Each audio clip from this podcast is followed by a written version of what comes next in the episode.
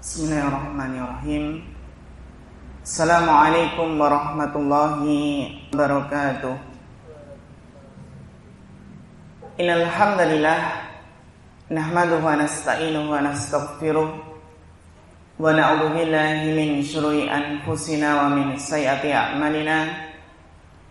Man yahdihillahu falamudillalah Wa man yudlil falahadiyalah Asyhadu an ilaha illallah wahdahu la syarika lah.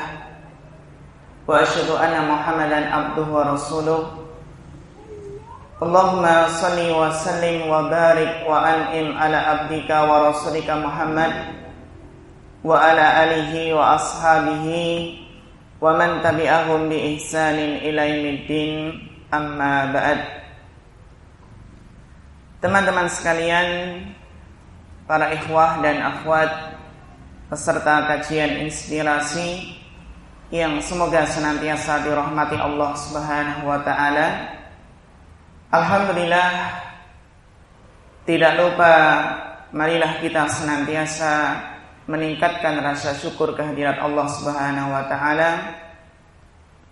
yang mana pada kesempatan detik ini kita masih diberikan kesempatan oleh Allah untuk senantiasa menjadi berusaha menjadi pribadi yang lebih baik dari sebelumnya. Kita berusaha untuk menjadi hamba Allah yang lebih baik. Kita bersyukur karena masih ada kesempatan. Bersyukur karena kita masih bisa menghirup udara dengan sangat lapang, udara dengan bebas.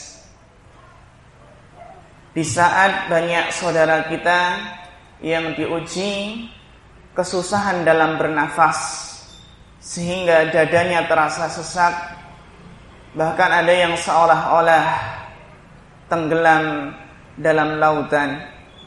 Maka alhamdulillah kita bisa berkumpul di majelis yang mulia ini insyaallah taala untuk bersama mengkaji permasalahan fikih yang judul pada kesempatan kali ini insyaallah sangat menarik sekali yaitu judul yang membahas tentang bagaimana seseorang ini menjadi seorang imam yang baik ya. Jadi bagaimana seseorang itu bisa mewujudkan keinginannya. Ku ingin menjadi imam yang terbaik untukmu. Itu biasanya yang diucapkan oleh siapa? Oleh ikhwan. Demikian pula akhwat, ya. Demikian pula akhwat dia mengatakan ku ingin menjadi makmum yang terbaik untukmu. Sehingga seorang ikhwan bagaimana berusaha menjadi imam yang terbaik dan seorang akhwat bagaimana ia berusaha untuk menjadi seorang makmum yang terbaik. Inilah yang akan kita bahas yang berkaitan dengan fikih salat berjamaah. Para ikhwan dan akhwat yang dirahmati Allah, Bila kita melihat realita zaman ini, realita yang ada di sekitar kita, kita akan mendapatkan pemandangan yang menyedihkan. Sungguh sangat menyedihkan. Itulah kesan yang timbul ketika kita menjumpai beberapa masjid yang bangunannya megah namun sepi dari jamaahnya. Bahkan yang lebih menyedihkan terkadang seorang ikhwan, masya Allah seorang pemuda, ada yang adzan di masjid atau bapak-bapak ada yang adzan di masjid. Dia adzan kemudian iqomah sekaligus ia nantinya menjadi imam dan makmum bagi dirinya sendiri alias apa? Tidak ada orang lain yang hadir bersamanya. Ada nggak mas? Ada nggak? Adzan, ikomah, ya dia saja. Dan apabila beliau yang biasanya adzan ini berhalangan, maka masjid pun akan menjadi sepi. Padahal waktu sholat telah tiba. Dan yang lebih mengenaskan lagi adalah ya, kita lihat ternyata kebanyakan yang mengisi sholat berjamaah adalah mereka bapak-bapak yang sudah lanjut usia. Lalu di mana? Di mana keberadaan para ikhwan, syabab, para pemuda? Padahal padahal sholat berjamaah bagi seorang laki-laki itu adalah disyariatkan memiliki banyak keutamaan.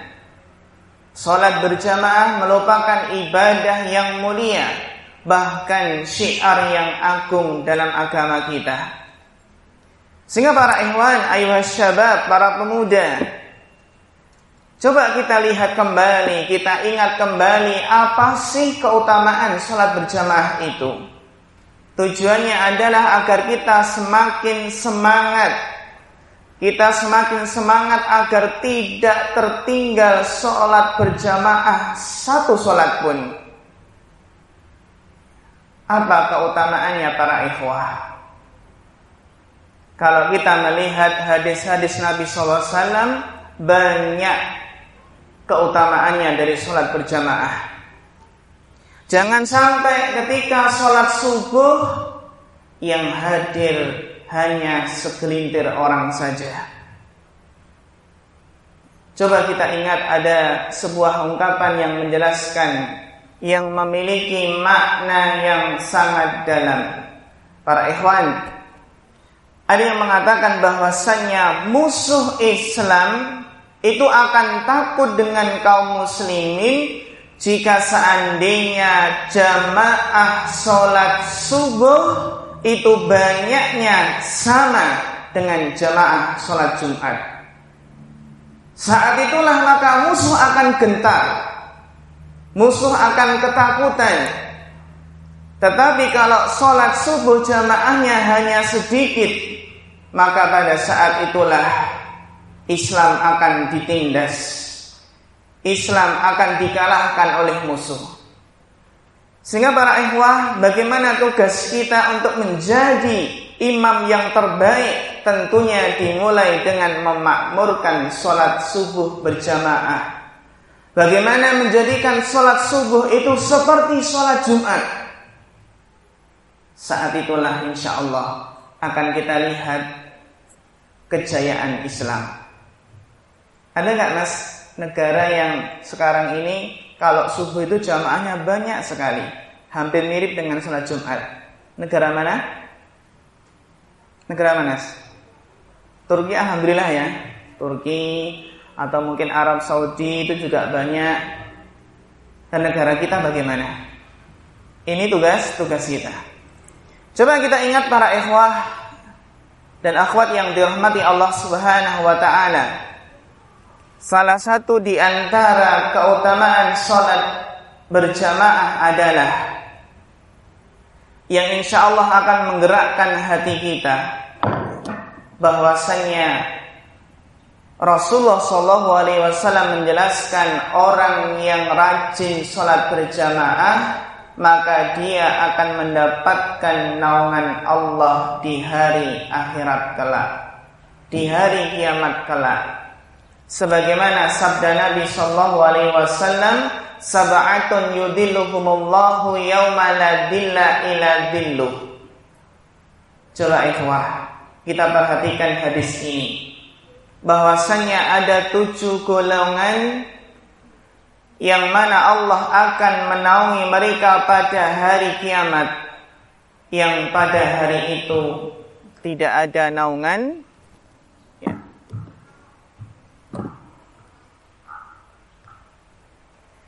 yang pada hari itu tidak ada naungan kecuali naungan Allah. Di antaranya apa ikhwah?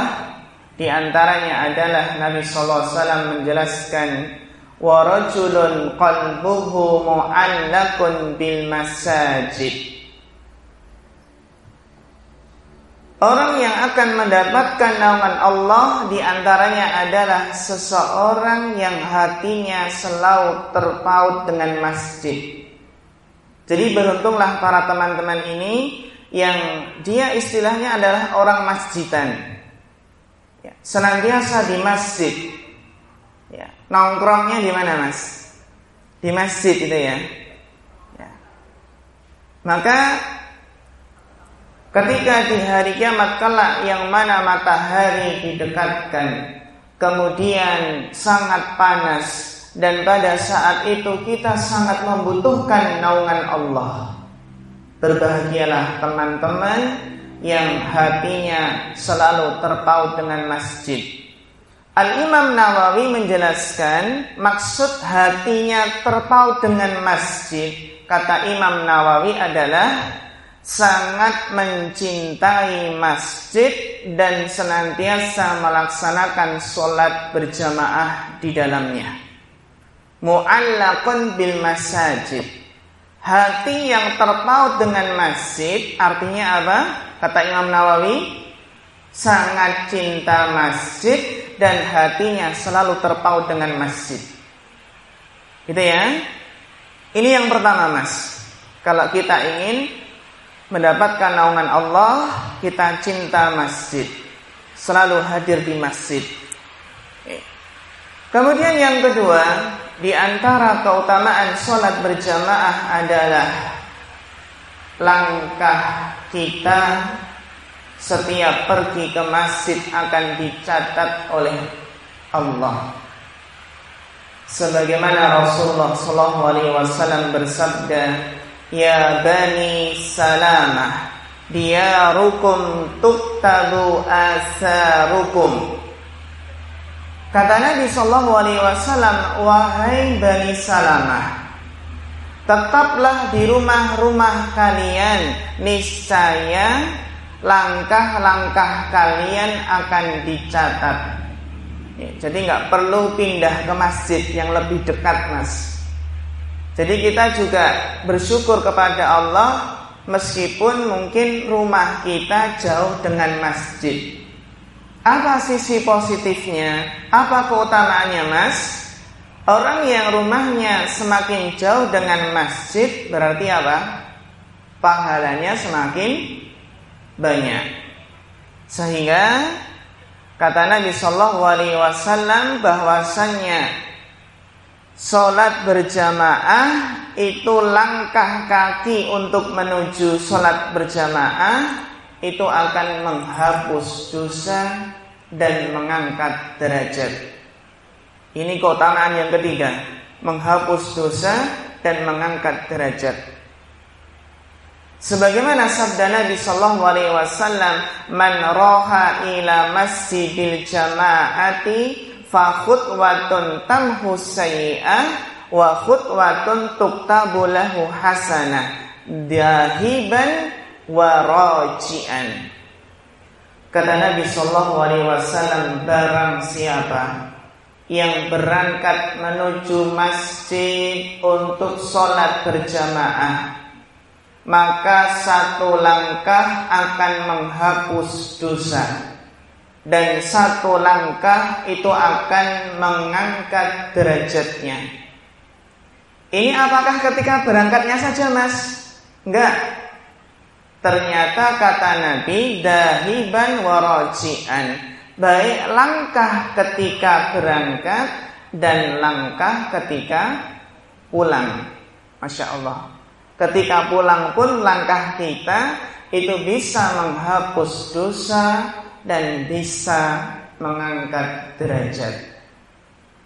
Itulah kenapa Mas kalau pergi ke masjid itu disunahkan, dianjurkan berjalan kaki. Gitu ya Mas ya. Apalagi rumahnya sangat dekat. Ya, dianjurkan apa berjalan kaki. Kecuali kalau jauh banget sehingga nanti tertinggal takbiratul ihram ya atau mengejar waktu agar tidak tertinggal takbiratul ihram maka apa? Ya tidak mengapa pakai kendaraan. Namun yang lebih utama adalah berjalan kaki. Ini hadis riwayat Ahmad dan disahihkan oleh Syekh Ahmad Sakir. Yang keempat, para ikhwah dan akhwat yang dirahmati Allah Subhanahu wa taala, orang yang berangkat ke masjid itu akan mendapatkan jaminan Allah. Sebagaimana sabda Nabi sallallahu alaihi wasallam, "Wa rajulun raha ila masjid fahuwa Allah dan seseorang yang berangkat ke masjid maka dia mendapatkan jaminan dari Allah. Hatta yatawaffahu fayudkhiluhul jannah. Ya. Kemudian Allah mewafatkannya lalu memasukkannya ke dalam surga. Au yaruddahu bima nala min ajrin wa ghanimah. Atau mengembalikannya ke rumah dengan membawa pahala dan ghanimah dan keberuntungan. Hadis ini hadis riwayat Abu Dawud dan disahihkan oleh para ulama ahli hadis. Yang kelima, bahwasanya Orang yang berangkat untuk sholat berjamaah Maka dia dianggap menunaikan sholat sampai kembali. Sebagaimana sabda Nabi Ida tawaddu'a ahadukum fa'ahsana wudu'ahu. Jika salah seorang di antara kalian berwudu kemudian memperbagus wudunya Summa kharijan ya, summa kharaja amidan ilal masjid maka apa? Kemudian keluar untuk menuju ke masjid fala yushabbikanna yadayhi fa innahu fi shalah. Maka dia ketika sampai ke masjid jangan menghilangkan jari jemarinya. Gitu ya. Kenapa? Karena sesungguhnya dia berada dalam keadaan sholat Jadi ibaratnya seseorang sampai ke masjid Sholat tahiyatul masjid Nunggu iqomah Nunggu waktu sholat berjamaah Itu waktu menunggu tadi dianggap dia sedang sholat Maka ada larangannya apa? Tasbih yadaihi Menyilangkan apa? Jari jemarinya ini hadis riwayat Abu Dawud dan disahihkan oleh Syekh Albani. Sehingga para ikhwah dan akhwat di antara adab di masjid adalah dengan apa? Tidak menghilangkan jari jemari. Gitu ya. Kemudian keutamaan yang berikutnya ini agak kita sebutkan dalnya agar kita lebih semangat menjaga sholat jamaah. Yaitu kabar gembira.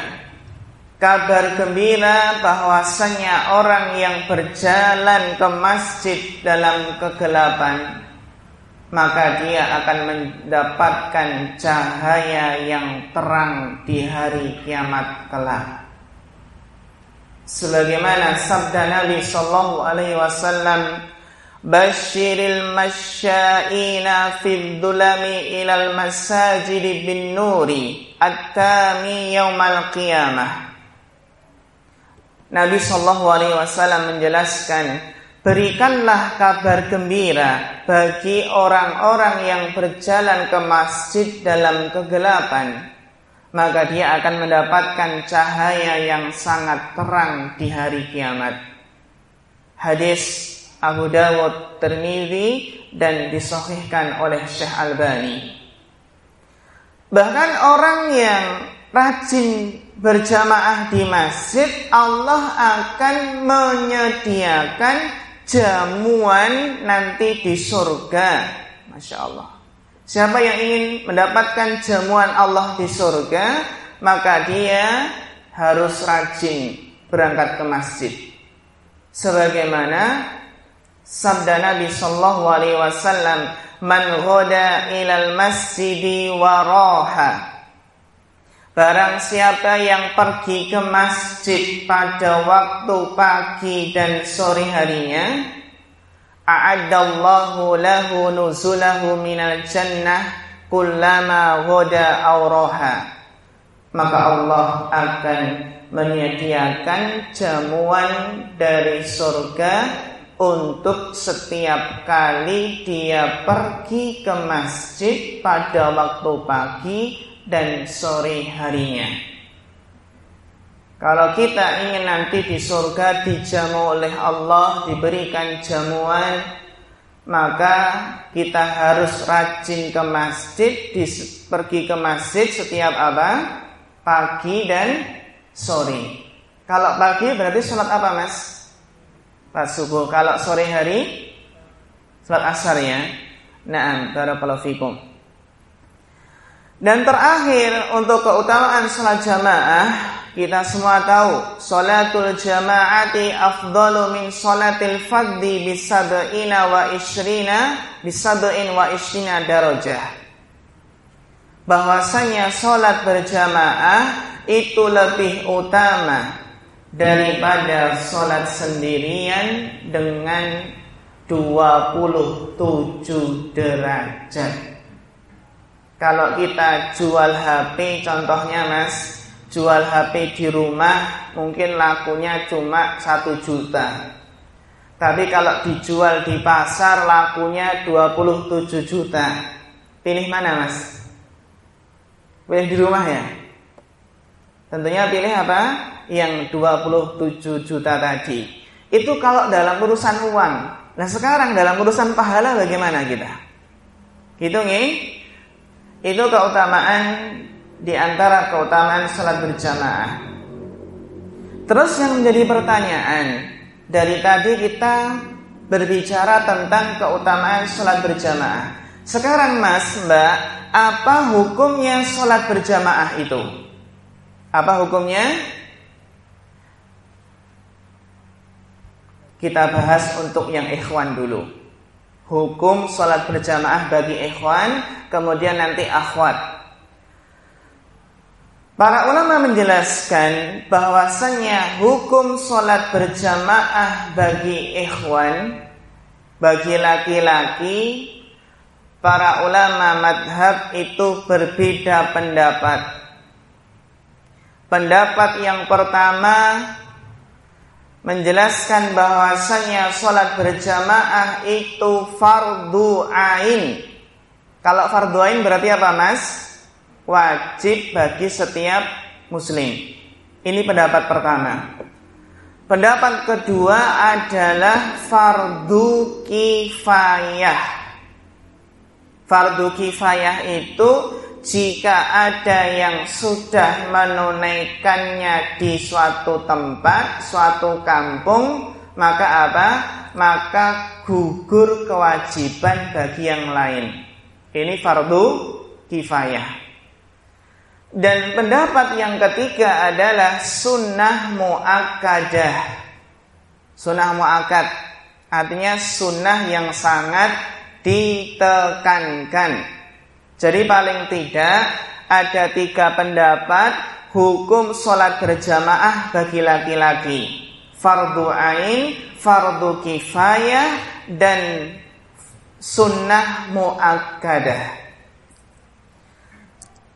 Kalau madhab syafi'i kita kenal bahwasanya sholat berjamaah itu sunnah muakkadah. Sedangkan madhab Imam Ahmad kita kenal Sholat berjamaah bagi laki-laki itu fardu ain. Manakah pendapat yang lebih kuat, yang lebih roji? Para ikhwah yang dirahmati Allah.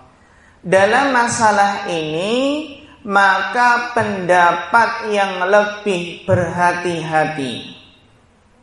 Agar lebih berhati-hati, adalah berusaha tidak meninggalkan sholat berjamaah kecuali ada udur. Udurnya seperti sakit, ya, atau hujan, ya, atau sebab yang lainnya yang tidak memungkinkan sholat berjamaah. Ini lebih berhati-hati. Kenapa?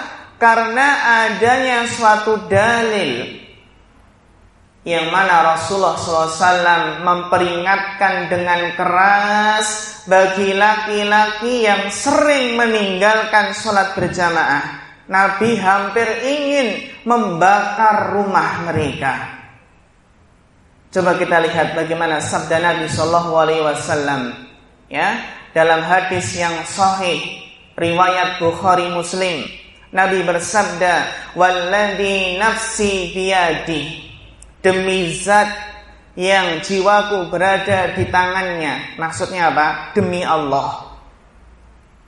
Laqad hamantu an amura bi hatabin fayahtibu thumma amaru amuru bis salati fayu'dana laha.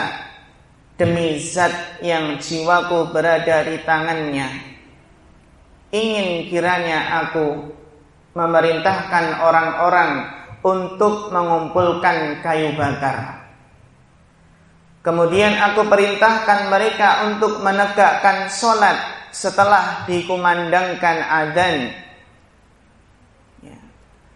Kemudian kata Rasulullah SAW, lalu aku memerintahkan salah seorang di antara mereka untuk menjadi imam dan aku akan menuju orang-orang yang tidak sholat berjamaah. Kemudian aku bakar rumah-rumah mereka. Hadis Bukhari dan Muslim. Ini hadisnya sahih mas. Bukhari dan Muslim. Gitu ya. Jadi uh, jangan istilahnya ya dibiasakan atau menganggap suatu yang ringan meninggalkan sholat berjamaah Bahkan dalam riwayat Abu Hurairah, iki Mas, ada seorang laki-laki buta yang datang kepada Rasulullah sallallahu alaihi wasallam. Ya Rasulullah, innahu laisa liqaidun. Ya Rasulullah, saya itu nggak ada yang menuntun, maksudnya menuntun untuk pergi sholat berjamaah fayaquduni ilal masjid menuntun yang akan menuntun ke masjid fasa'ala Rasulullah SAW an yurakhisa lahu fayusalliya fi baitihi maka laki-laki yang buta ini minta izin, minta keringanan kepada Rasulullah untuk sholat di rumah saja. Kira-kira Nabi memberikan keringanan nggak mas? Memberikan keringanan. Farah khasalahu Nabi kemudian memberikan keringanan. Falamma walla da'ahu faqala. Namun ketika laki-laki yang buta tadi beranjak pergi, ya hendak beranjak pergi, kemudian Nabi memanggilnya. Memanggil laki-laki yang buta tadi. Nabi bertanya, "Hal tasma'un nida bis shalah?" Apakah kamu mendengar adzan panggilan salat? Faqala na'am. Kemudian laki-laki buta tadi menjawab, "Iya." Apa sabda Nabi? Fa'ajib. Kata Nabi apa? Maka penuhilah seruan adzan tadi. Masya Allah, padahal beliau orang yang buta. Tapi bagaimana sedih sabda Nabi SAW, apakah kamu mendengar adzan? Kalau mendengar, penuhi panggilan adzan tersebut. Ini hadis sahih riwayat Muslim. Riwayat apa? Riwayat Muslim. Maka para ikhwah yang dirahmati Allah, maka dari sini ya, meskipun di sini khilaf yang kuat di antara para ulama ya, ada yang mengatakan fardu ain, ada yang sunnah muakadah. Namun intinya kita mengingat keutamaan yang besar dari sholat berjamaah, kita berusaha untuk tidak ketinggalan. Gitu ya. Nah, kemudian berikutnya ahwat. Nah, ini untuk ahwat apa hukum sholat berjamaah? Ulama sepakat mbak Ulama sepakat bahwasannya sholat berjamaah bagi wanita tidak wajib. Itu ijma sepakat ulama mbak. Ya. Salat berjamaah apa? Tidak wajib. Ya. Namun dibolehkan bagi wanita itu untuk melaksanakan sholat berjamaah ya dengan para wanita yang lainnya. Apa? Sesama wanita sholat berjamaah. Itu berdasarkan keumuman hadis tentang keutamaan sholat berjamaah. Jadi mbak-mbak, nih ibu-ibu di rumah ya bisa sholat berjamaah dengan putrinya, ya mbak-mbak juga bisa sholat berjamaah dengan ibunya, dengan adiknya, ya. Karena keutamaan sholat berjamaah tadi. Dan kaedahnya adalah apa? Kaedahnya bahwasanya wanita itu memiliki hukum yang sama dengan laki-laki sampai ada dalil yang membedakannya. Sebagaimana sabda Nabi, An-nisa'u syaqa'iqur rijal. Wanita itu bagian dari pria. Ya, itu hadis Ahmad, Abu Dawud dan Tirmidzi dan Syekh Albani menjelaskan hadis ini sahih. Maka juga di sini para akhwat bisa melaksanakan salat berjamaah dengan akhwat yang lainnya. Namun di sana nanti ada beberapa perbedaan tentang tata cara sholat berjamaah ya sesama akhwat. Yang intinya adalah imam imam seorang akhwat nanti ketika sholat berjamaah posisinya tidak di depan mbak, tapi posisinya di mana? Se sejajar, sejajar di tengah-tengah. Gitu ya, sejajar di tengah-tengah nanti insya Allah akan kita rinci kembali bagaimana posisi sholat berjamaah. Eh? Itu apa? Hukum sholat berjamaah bagi akhwat adalah apa? Tidak wajib. Gitu nih. Namun yang lebih per, jadi pertanyaan mungkin Mbak, terus Ustadz kalau untuk wanita itu yang lebih baik sholat di masjid atau di rumah. Lebih baik di mana mbak? Di masjid atau di rumah? Ya, intinya bahwasanya wanita itu tetap dibolehkan mengerjakan sholat berjamaah di masjid.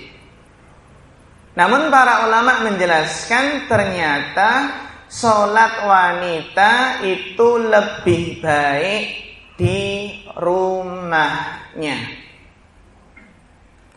Kenapa mbak? Karena hadisnya jelas. Hadisnya itu secara jelas, gamblang, terang ya. Bahwasanya Nabi SAW bersabda dalam hadis yang sahih riwayat Abu Dawud. Nabi SAW bersabda, La tamna'u nisa'akum al-masajida. Janganlah kalian melarang istri-istri kalian untuk ke masjid. Jadi para suami itu nggak boleh melarang istri jika istri ingin berjamaah ke masjid. Nggak boleh dilarang. Ya, gitu ya. Jadi tidak boleh melarang wanita untuk pergi ke masjid. Namun dalam hadis tersebut kata Nabi la tamna'u nisa'akum al-masajida wa buyutuhunna khairun lahunna. Namun sholat di rumah ya di rumah mereka bagi wanita itu lebih baik khairun lahunna. Hadis riwayat Abu Dawud dan disahihkan oleh Syekh Albani. Gitu ya mbak ya? Jadi apa? Kalau yang mau ke masjid nggih monggo kalau di rumah juga monggo. Intinya suami suami atau mahram. Kalau mahram itu berarti bapak, bapak juga nggak boleh melarang putrinya jika putrinya ingin ke masjid. Namun kata Nabi kata Nabi tadi bahwasannya buyutuhunna khairun lahunna. Hitung ya.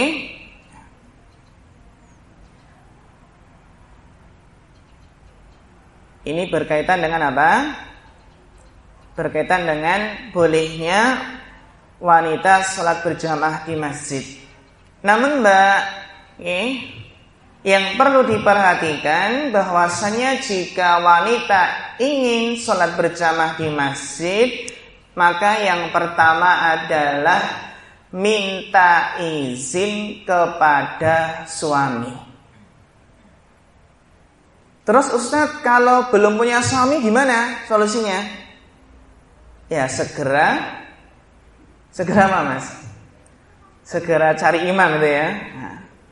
Kalau belum punya suami maka apa? Bisa minta izin ke mahram, ya, ke bapak. Ya. Dan tidak boleh suami itu melarang istrinya. Ya, tidak boleh apa? Melarang istrinya pergi ke masjid.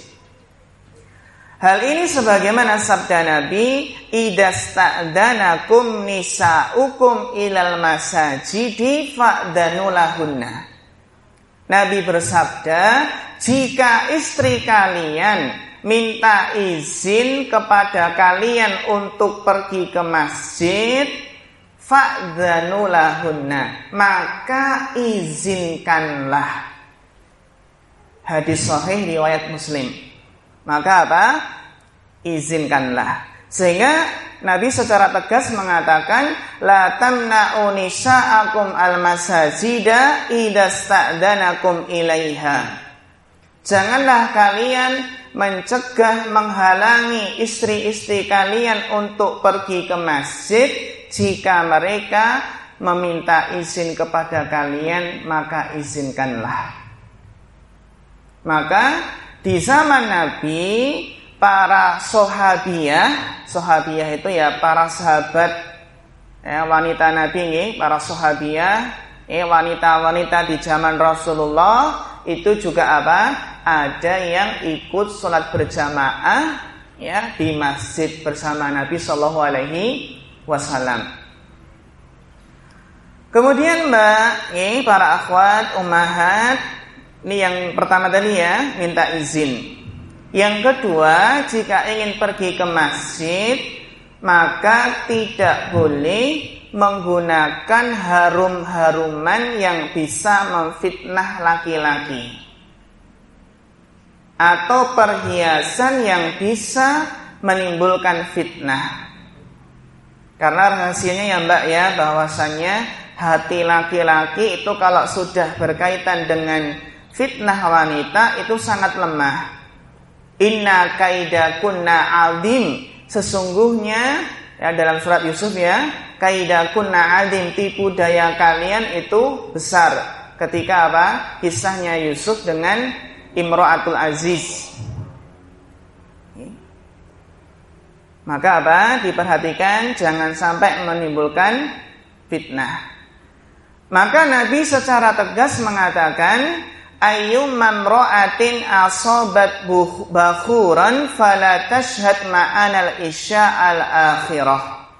Dalam hadis sahih riwayat Muslim Nabi bersabda wanita mana saja yang memakai harum-haruman maka janganlah dia menghadiri sholat isya bersama kami. Hadis sahih riwayat Muslim Gitu nggih. Jadi diusahakan kalau ke masjid nggih jangan menimbulkan fitnah atau yang menggoda nggih yang menimbulkan apa? godaan bagi para ikhwan. Kemudian yang ketiga, ketika wanita pergi ke masjid ya Mbak nggih, yang perlu diperhatikan adalah pintu masuknya, pintu masuk dan pintu keluar. Nggih. Karena apa? Karena dalam hadis Ummu Salamah itu dijelaskan bahwasannya karena Rasulullah SAW ida sallama qauman nisa'u hina yaqdi taslimahu. dahulu bahwasannya Rasulullah SAW itu ketika salam maka para wanita pun berdiri. Eh, maksudnya adalah apa? Di zaman Nabi pulangnya wanita dari masjid itu biasanya lebih dahulu daripada para para ikhwan.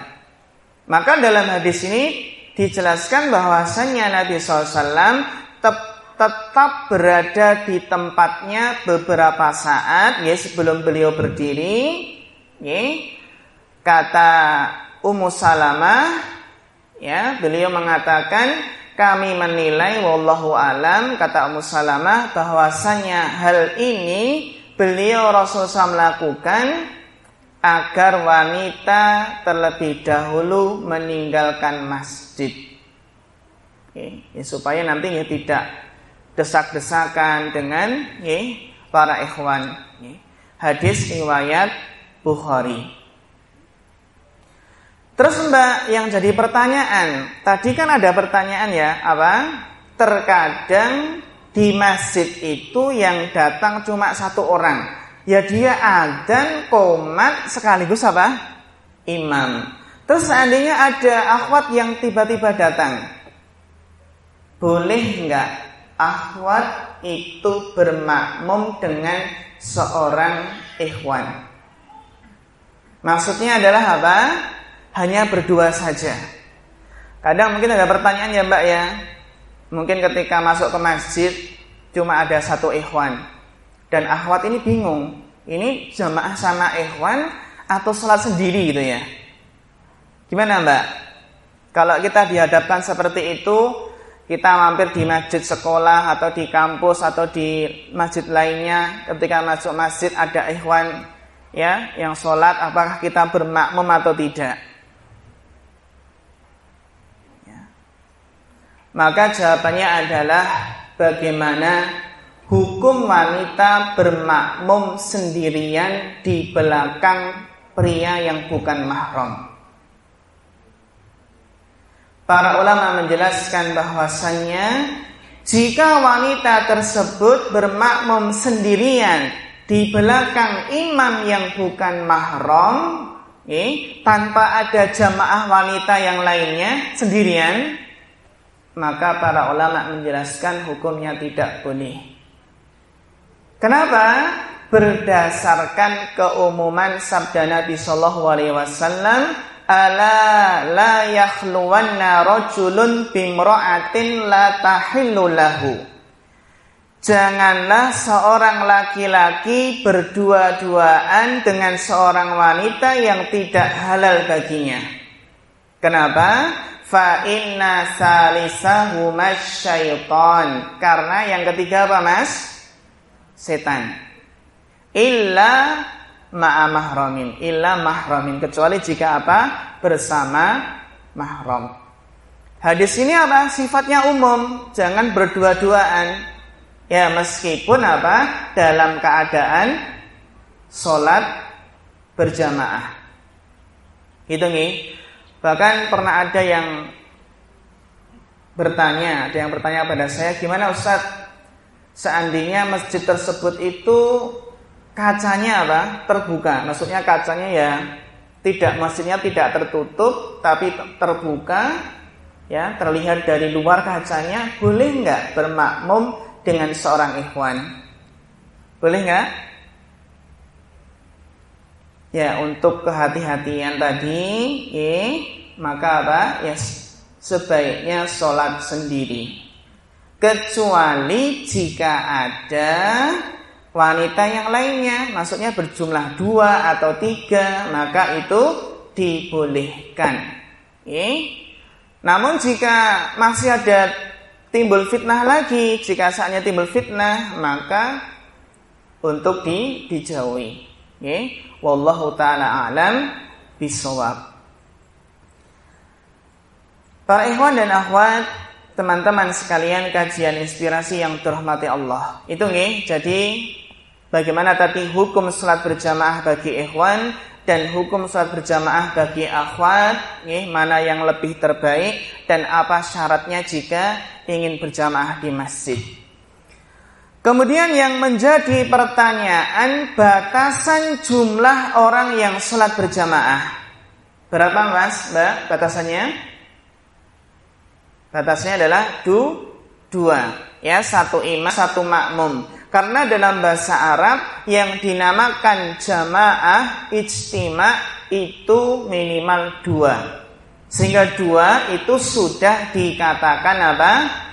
Jamaah itu nih jamaah kemudian posisi sekarang posisi imam dan makmum ketika sholat berjamaah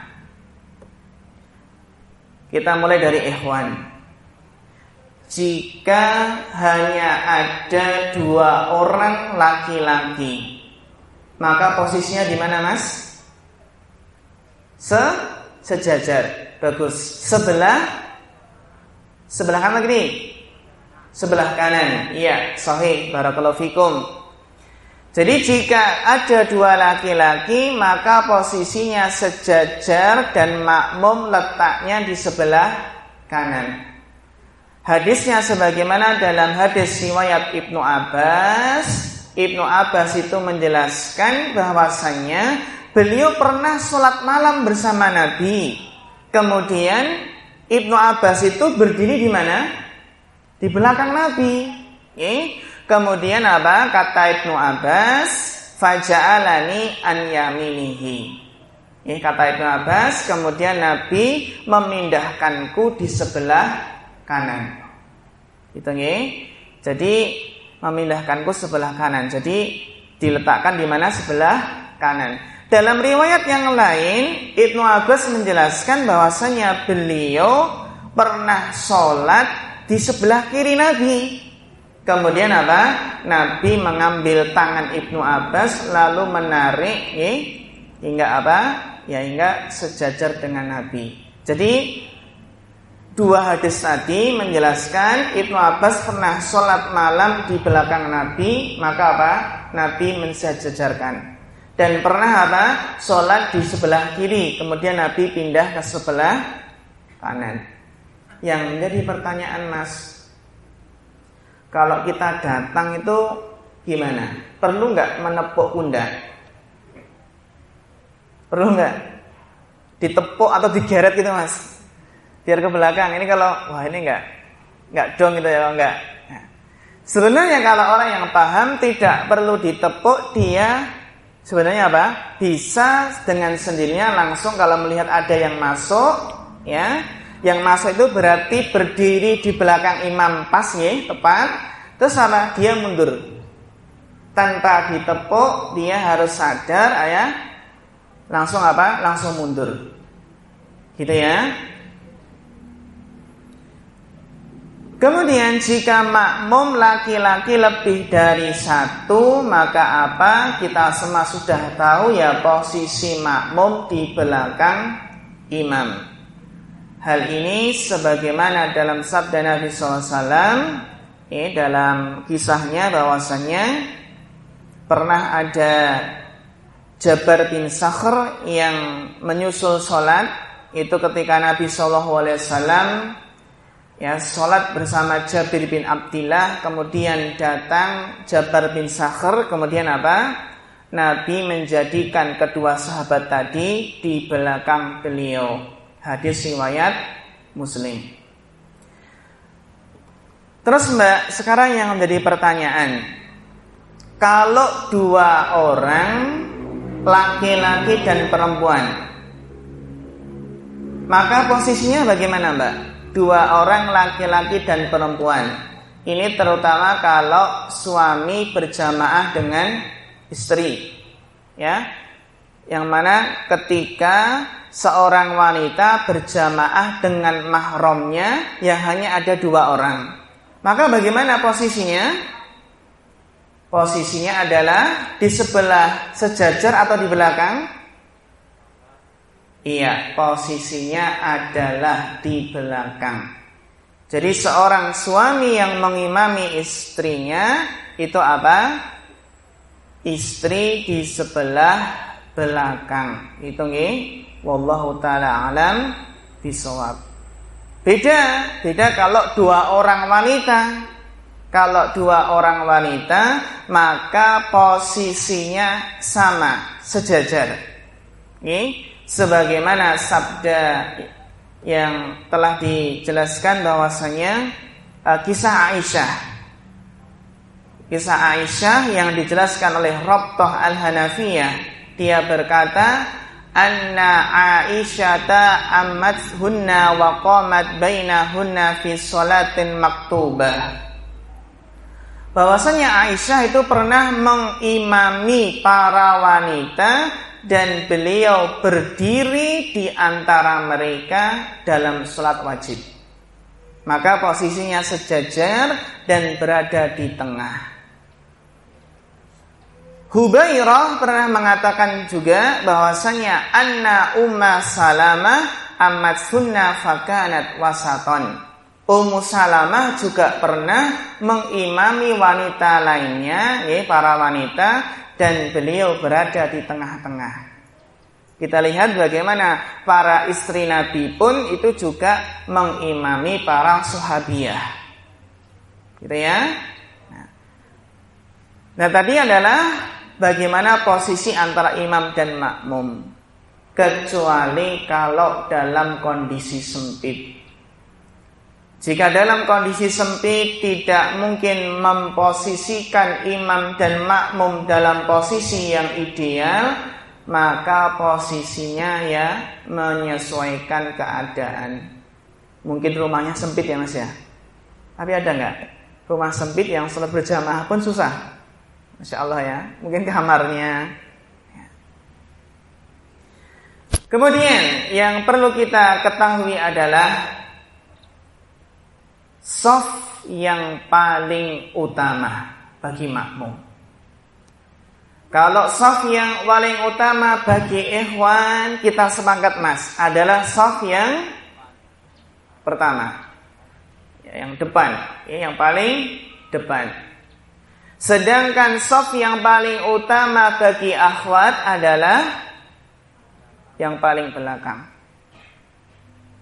Mas, kalau kita tahu keutamaan soft yang pertama ya, maka nah, pasti kita akan berlomba-lomba.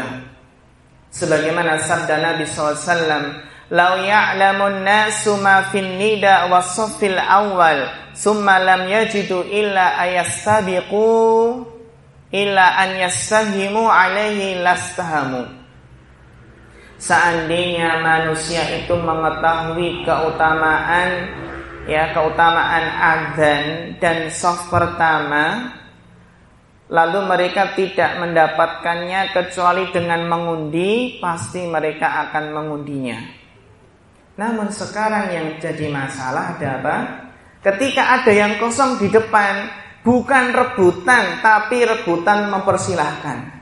Jenengan mawon mas, jenengan mawon. Bener nggak? Iya, saya. Padahal dalam kaidah dikatakan bahwasanya la isara fil ibadah. Tidak ada isar dalam ibadah. Maksudnya apa? Tidak boleh mendahulukan orang lain dalam ibadah.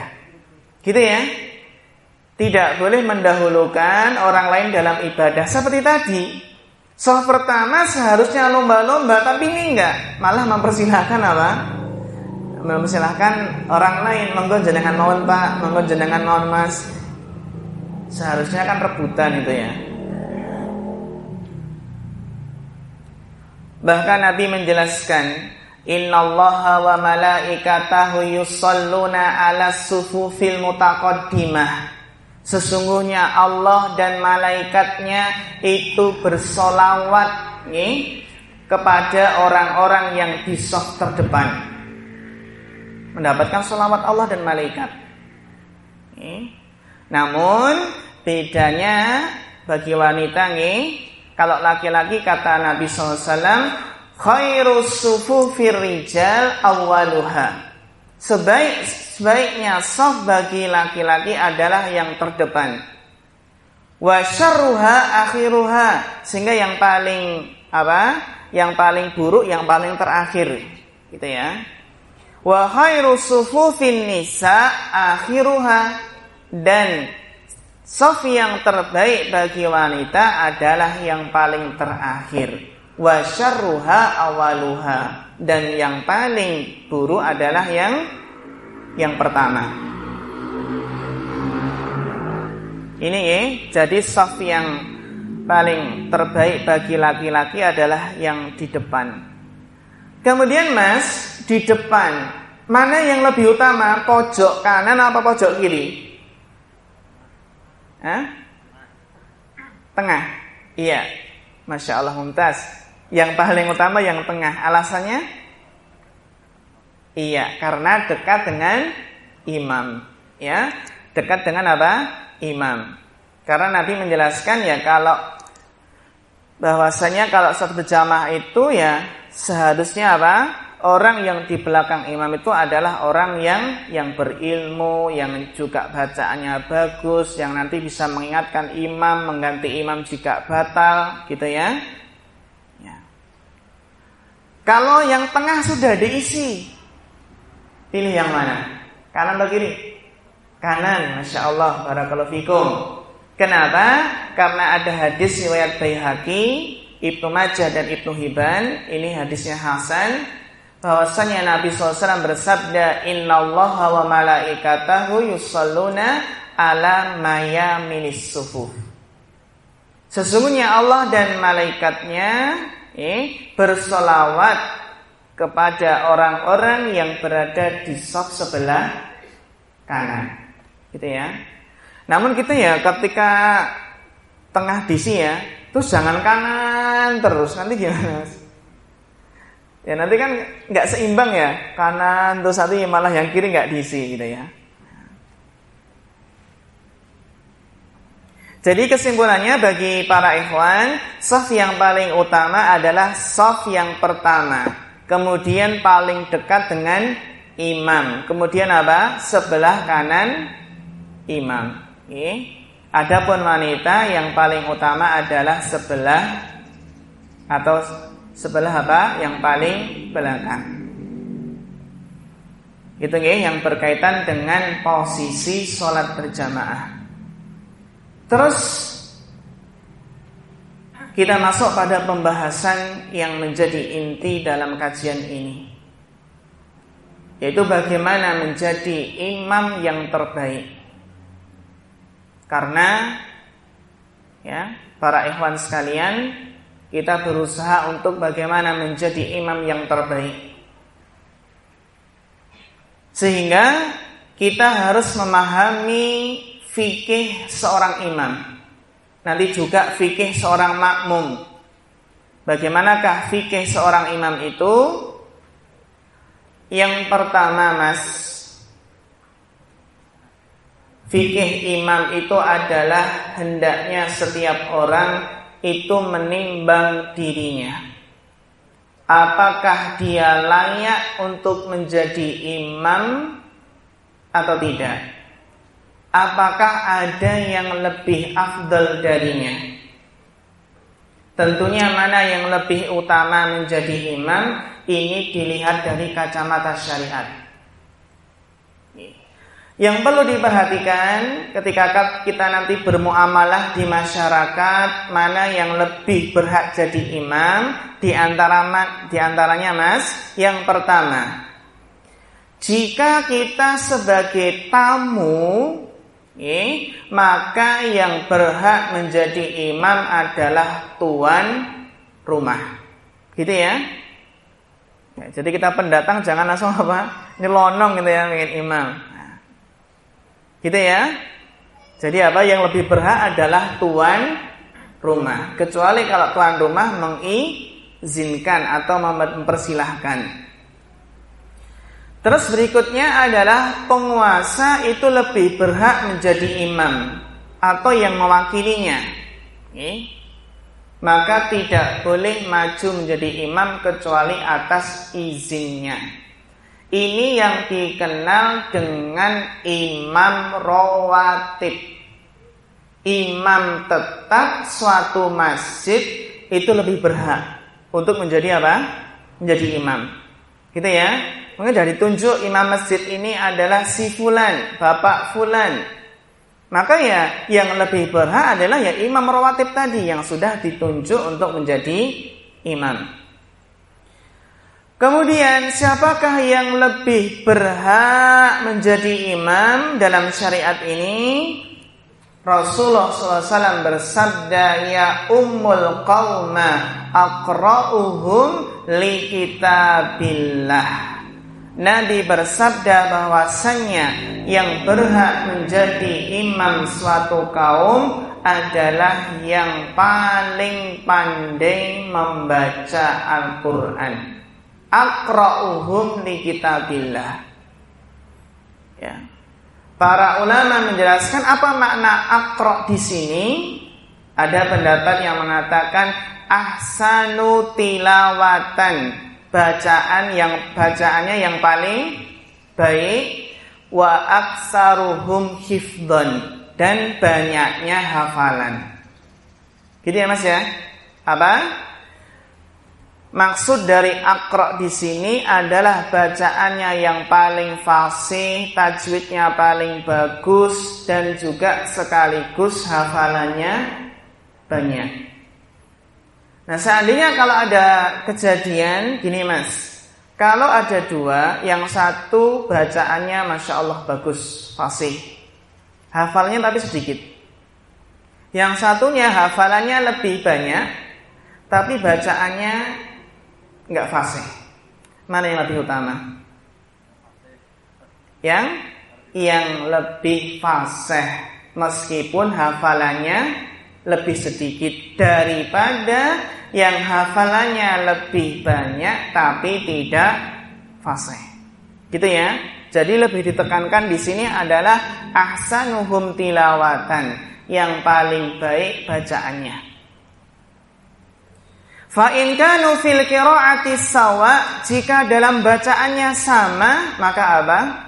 Fa'alamuhum bisunnah. Yang paling paham tentang sunnah.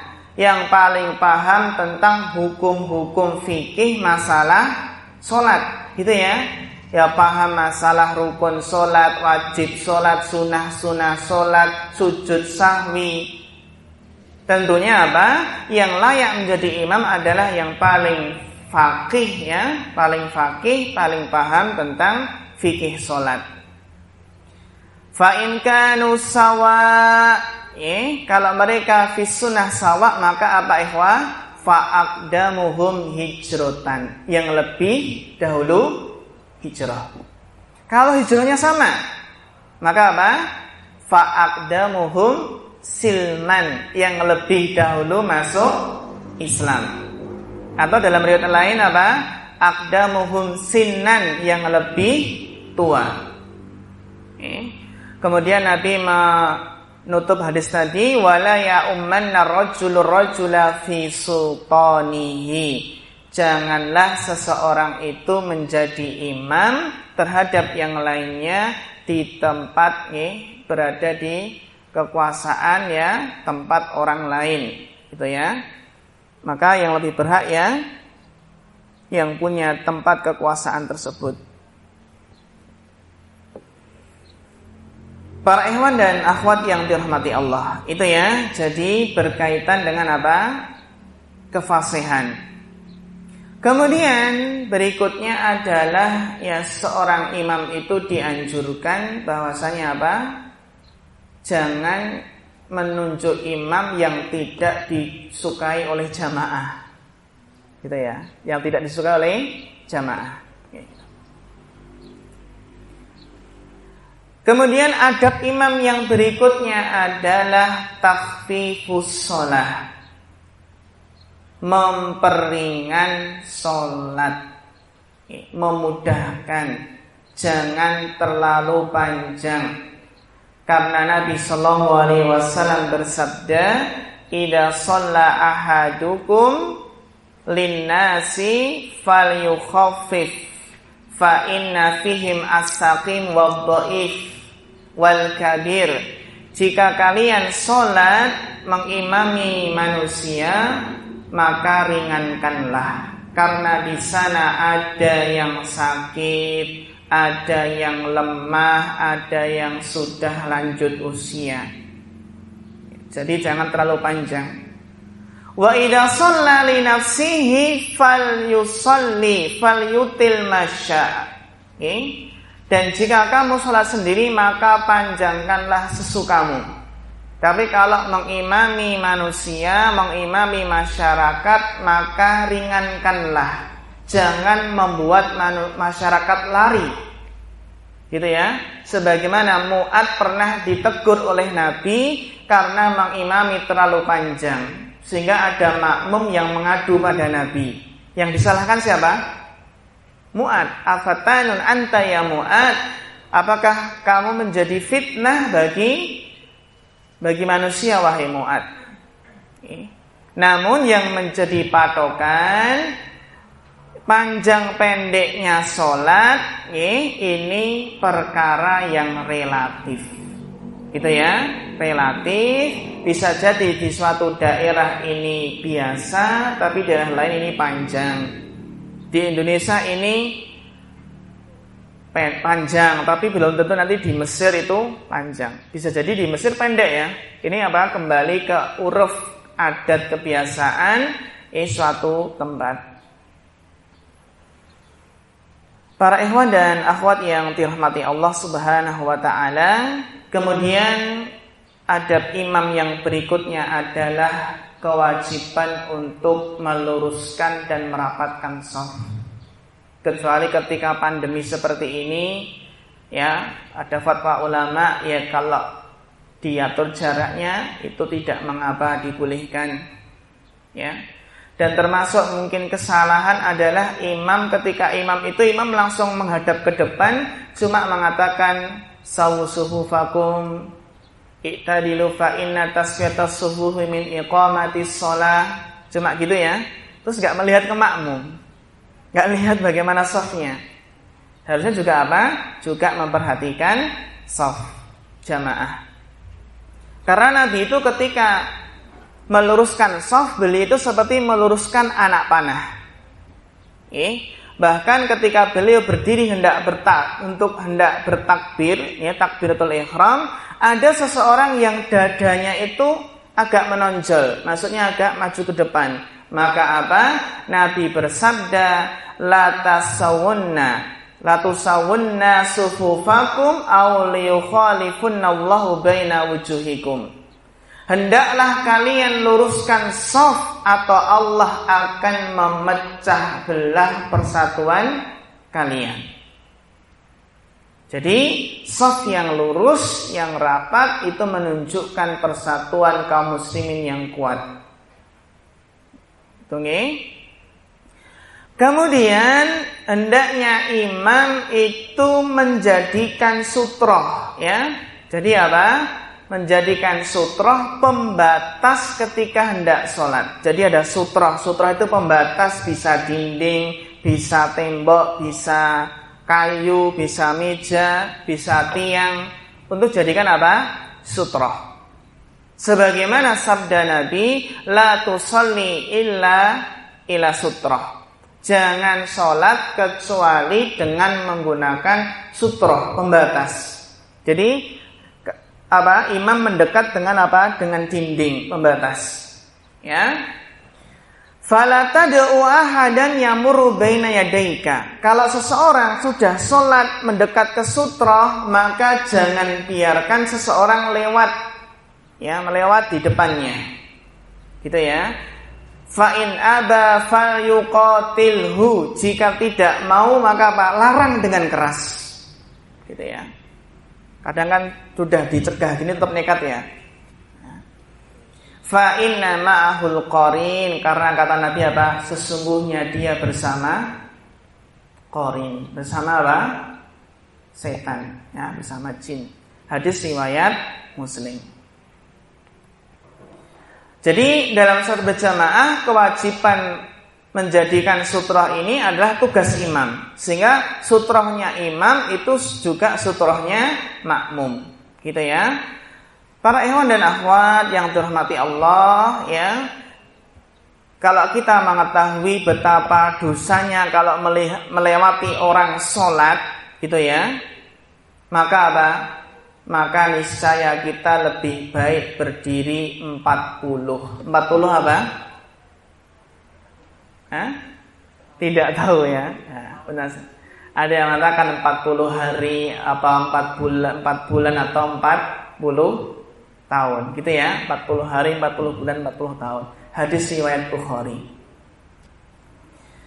Kemudian para ikhwan dan akhwat yang dirahmati Allah Subhanahu wa taala, berikutnya adalah sebelum ya, kita akhiri adalah fikih makmum. Sebenarnya fikih makmum ini ya kita semua mungkin sudah mengetahuinya seperti memakai pakaian terbagus, berwudu dari mana? Dari rumah, kemudian apa? kemudian ya tidak keluar masjid tanpa udur, memanfaatkan waktu antara adzan dan iqomah, ya. Namun yang akan perlu kita tekankan di sini adalah min akhta'il musallin. Beberapa kesalahan dalam sholat yang sering dilakukan. Ini penting sekali. Yang pertama adalah tidak berlomba memperoleh soft pertama. Ya sebagaimana tadi ya, tidak berlomba memperoleh soft pertama, namun sangat disayangkan sebagian kaum muslimin apa? menghindar atau enggan untuk memposisikan diri pada soft pertama. Alasannya apa mas? Kalau kita itu nggak di soft pertama padahal bisa. Alasannya apa? Satu, malu. Ya. Malu ya? Malu di Nah, itu nggak nggak boleh ya malu dalam kebaikan. Atau mungkin tipu daya setan. Kamu jangan soft pertama, nanti kamu riak loh. Nah, itu juga apa? Apa tipu daya setan. Ya, jadi dilawan saja apa perasaan tersebut. Maka tadi kita ingatkan bahwasanya kaidah fikih mengutamakan orang lain malah masalah ibadah itu terlarang. Jadi kalau mbak kita punya air wudhu dan cukup untuk kita sendiri, itu bagaimana? Ada orang lain kita berwudhu dan air wudhu ini cukup untuk kita sendiri. Maka apa? Boleh nggak kita memberikan air wudhu ini untuk orang lain? Nah, termasuk apa? La isarafil ibadah gitu ya ya sudah kita pakai gitu yang orang lain yang tidak dapat air tadi biar tayamum tidak boleh ya. Mengutamakan orang lain dalam masalah ibadah. Kemudian kesalahan yang sering adalah apa? Gerakannya membarengi imam nah ini. Adalah apa? Gerakannya membareng dengan imam Yang dilarang itu adalah apa? Ya, lambat atau terlambat ya dengan gerakan imam, imamnya sudah sujud dia baru baru ruko ya atau mendahului imam bahkan menyertai bareng dengan imam ini juga tidak boleh. Jadi muwafakoh bersamaan dengan imam ini hukumnya tidak boleh. Kesalahan ketiga yang sering adalah apa? Sibuk dengan sholat sunnah padahal ikomah sudah dikumandangkan. Sehingga dia ketinggalan takbiratul ihram. Ini, padahal jika sholat ikomah sudah dikumandangkan, maka apa? Tidak ada sholat sunnah. Kecuali apa? Bisa mengejar takbiratul ihram. Tinggal sedikit menyelesaikannya. Yang keempat adalah yang ini sering makmum berdiri sendirian di belakang soft. Ada nggak? Nah, ini makmum berdiri sendirian di belakang soft. Kata Nabi, la salata limunfaridin khalfas soft. Tidak ada solat bagi orang yang berada di belakang soft sendirian. Ini bagi siapa, Mas? Ya, bahkan orang tersebut diperintahkan untuk mengulang kembali sholatnya. Ini bagi yang kalau sebenarnya soft depan itu masih ada celah. Masih ada celah ya. Terkadang gitu mas, sebenarnya di depan itu masih ada tempat yang kosong, dia nggak mau. Tapi malah milih sholat sendirian di belakang. La sholata. Tidak ada sholat bagi orang yang memilih di sok belakang sendirian, padahal di depan apa? Masih ada. Gitu ya.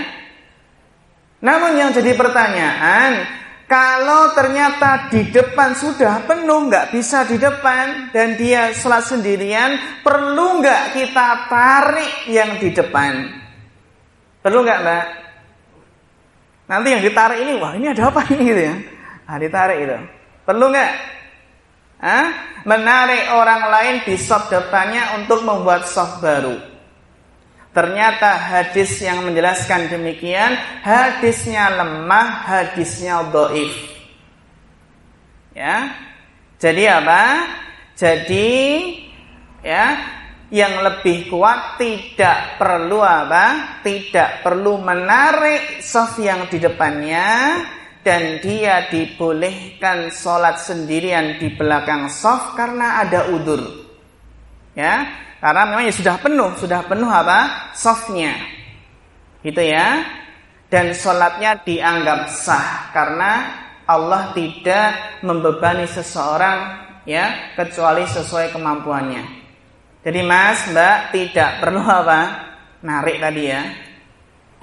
Kemudian termasuk kesalahan adalah mengeraskan bacaan zikir dalam sholat. Ini bagi makmum. Terkadang makmum itu bacaannya subhana rabbiyal a'la, subhana rabbiyal. Itu keras sampai terdengar apa? Sampingnya ini juga tidak boleh. Ya, seorang yang sholat mengeraskan zikirnya sehingga kanan kirinya merasa terganggu. Cukup yang mendengar dirinya sendiri. Gitu ya. Namun juga kesalahan jika seseorang membaca surat atau membaca zikir namun tidak menggerakkan lisan, tidak menggerakkan kedua bibirnya. Ini juga salah, tapi apa? Cuma di batin. Dalam hati. Ini kalau dalam hati namanya bukan kiroah, namanya bukan bacaan. Gitu ya. Jadi yang benar itu ya tidak terlalu keras tadi dan apa ya tetap bibirnya, lisannya itu bergerak. Yang benar pertengahan. Oke? Pertengahan cukup lirik saja, cukup dia sendiri yang apa? Yang mendengar. Kemudian kesalahan yang banyak terjadi berikutnya adalah tidak menyentuh ke lantai salah satu dari tujuh anggota sujud. Contoh seperti apa? Hidungnya tidak menyentuh lantai. Yang menyentuh lantai cuma apa? Dahi. Ini juga salah. Ya, atau kedua kaki nggak disentuhkan, satu kaki saja. Itu juga kesalahan. Dan yang paling sering kesalahan yang paling sering adalah apa? Ketika baru datang terlambat, nih, makmum masbuk itu tidak langsung mengikuti posisi imam, tapi apa? Menunggu imam apa? Berdiri di rokaat yang berikutnya. Gitu ya. Jadi apa? Bagi makmum masbuk wajib mengikuti imam bagaimanapun keadaan imam. Rukuk ya rukuk, sujud ya sujud. Namun jangan lupa ketika ikut imam langsung rukuk, langsung sujud, jangan lupa takbir dua kali. Takbir yang pertama adalah sebagai takbiratul ihram, pembuka solat. Dan takbir kedua adalah takbir intikol, Takbir apa? Perpindahan gerakan. Gitu ya. Kemudian juga yang sering terjadi kesalahan adalah mendatangi masjid tergesa-gesa. Ya, sebagaimana apa? Sebagaimana ada berjalan ke masjid tenang. Mungkin sudah dengar Mas, dengar apa? Ikomah ya dari rumah. Kemudian apa? Kemudian ngebut atau lari, ini tidak boleh. Sebagaimana sabda Nabi, "Idza suwiba lis-shalah" fala ta'tuha wa antum tas'auna wa tuha wa alaikum sakinah. Jadi para ikhwah dan akhwat meskipun sudah iqomah tetap tenang. Gitu ya. Tidak perlu berlari tapi apa? Berjalan dengan apa? Dengan tenang. Dan juga termasuk kesalahan adalah apa? makmum mengeraskan takbiratul ihram dan takbir intikal. Pernah nggak mas? Sebelah kita itu mengeraskan apa? Bacaan takbirnya sehingga apa? mengganggu yang sebelahnya. Terus berikutnya termasuk kesalahan tadi apa? Menganyam jari atau memasukkan jari jemari tangan kanan ke jari jemari tangan kiri. Ini namanya tasbih. Gitu ya. Jadi fala yusabbikunna baina asabihi. Dan juga mungkin ketika sholat Jumat termasuk kesalahannya adalah kita dengar ketika membaca surat Al-A'la ya. Fi suhufi suhufi Ibrahim wa Musa. Terus terdengar apa? Alaihi salam. Itu juga tidak boleh. Alaihi salam, gitu ya. Karena apa?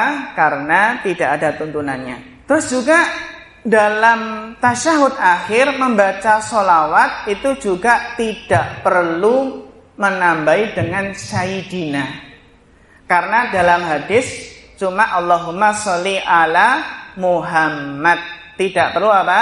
Sayyidina. Tapi kalau di luar sholat maka itu ya boleh sekali. Itu ya Sayyidina Muhammad. Itu termasuk ya uh, bentuk pemuliaan kepada Nabi. Tapi kalau dalam sholat, karena hadisnya tidak pakai Sayyidina, maka tidak pakai Sayyidina.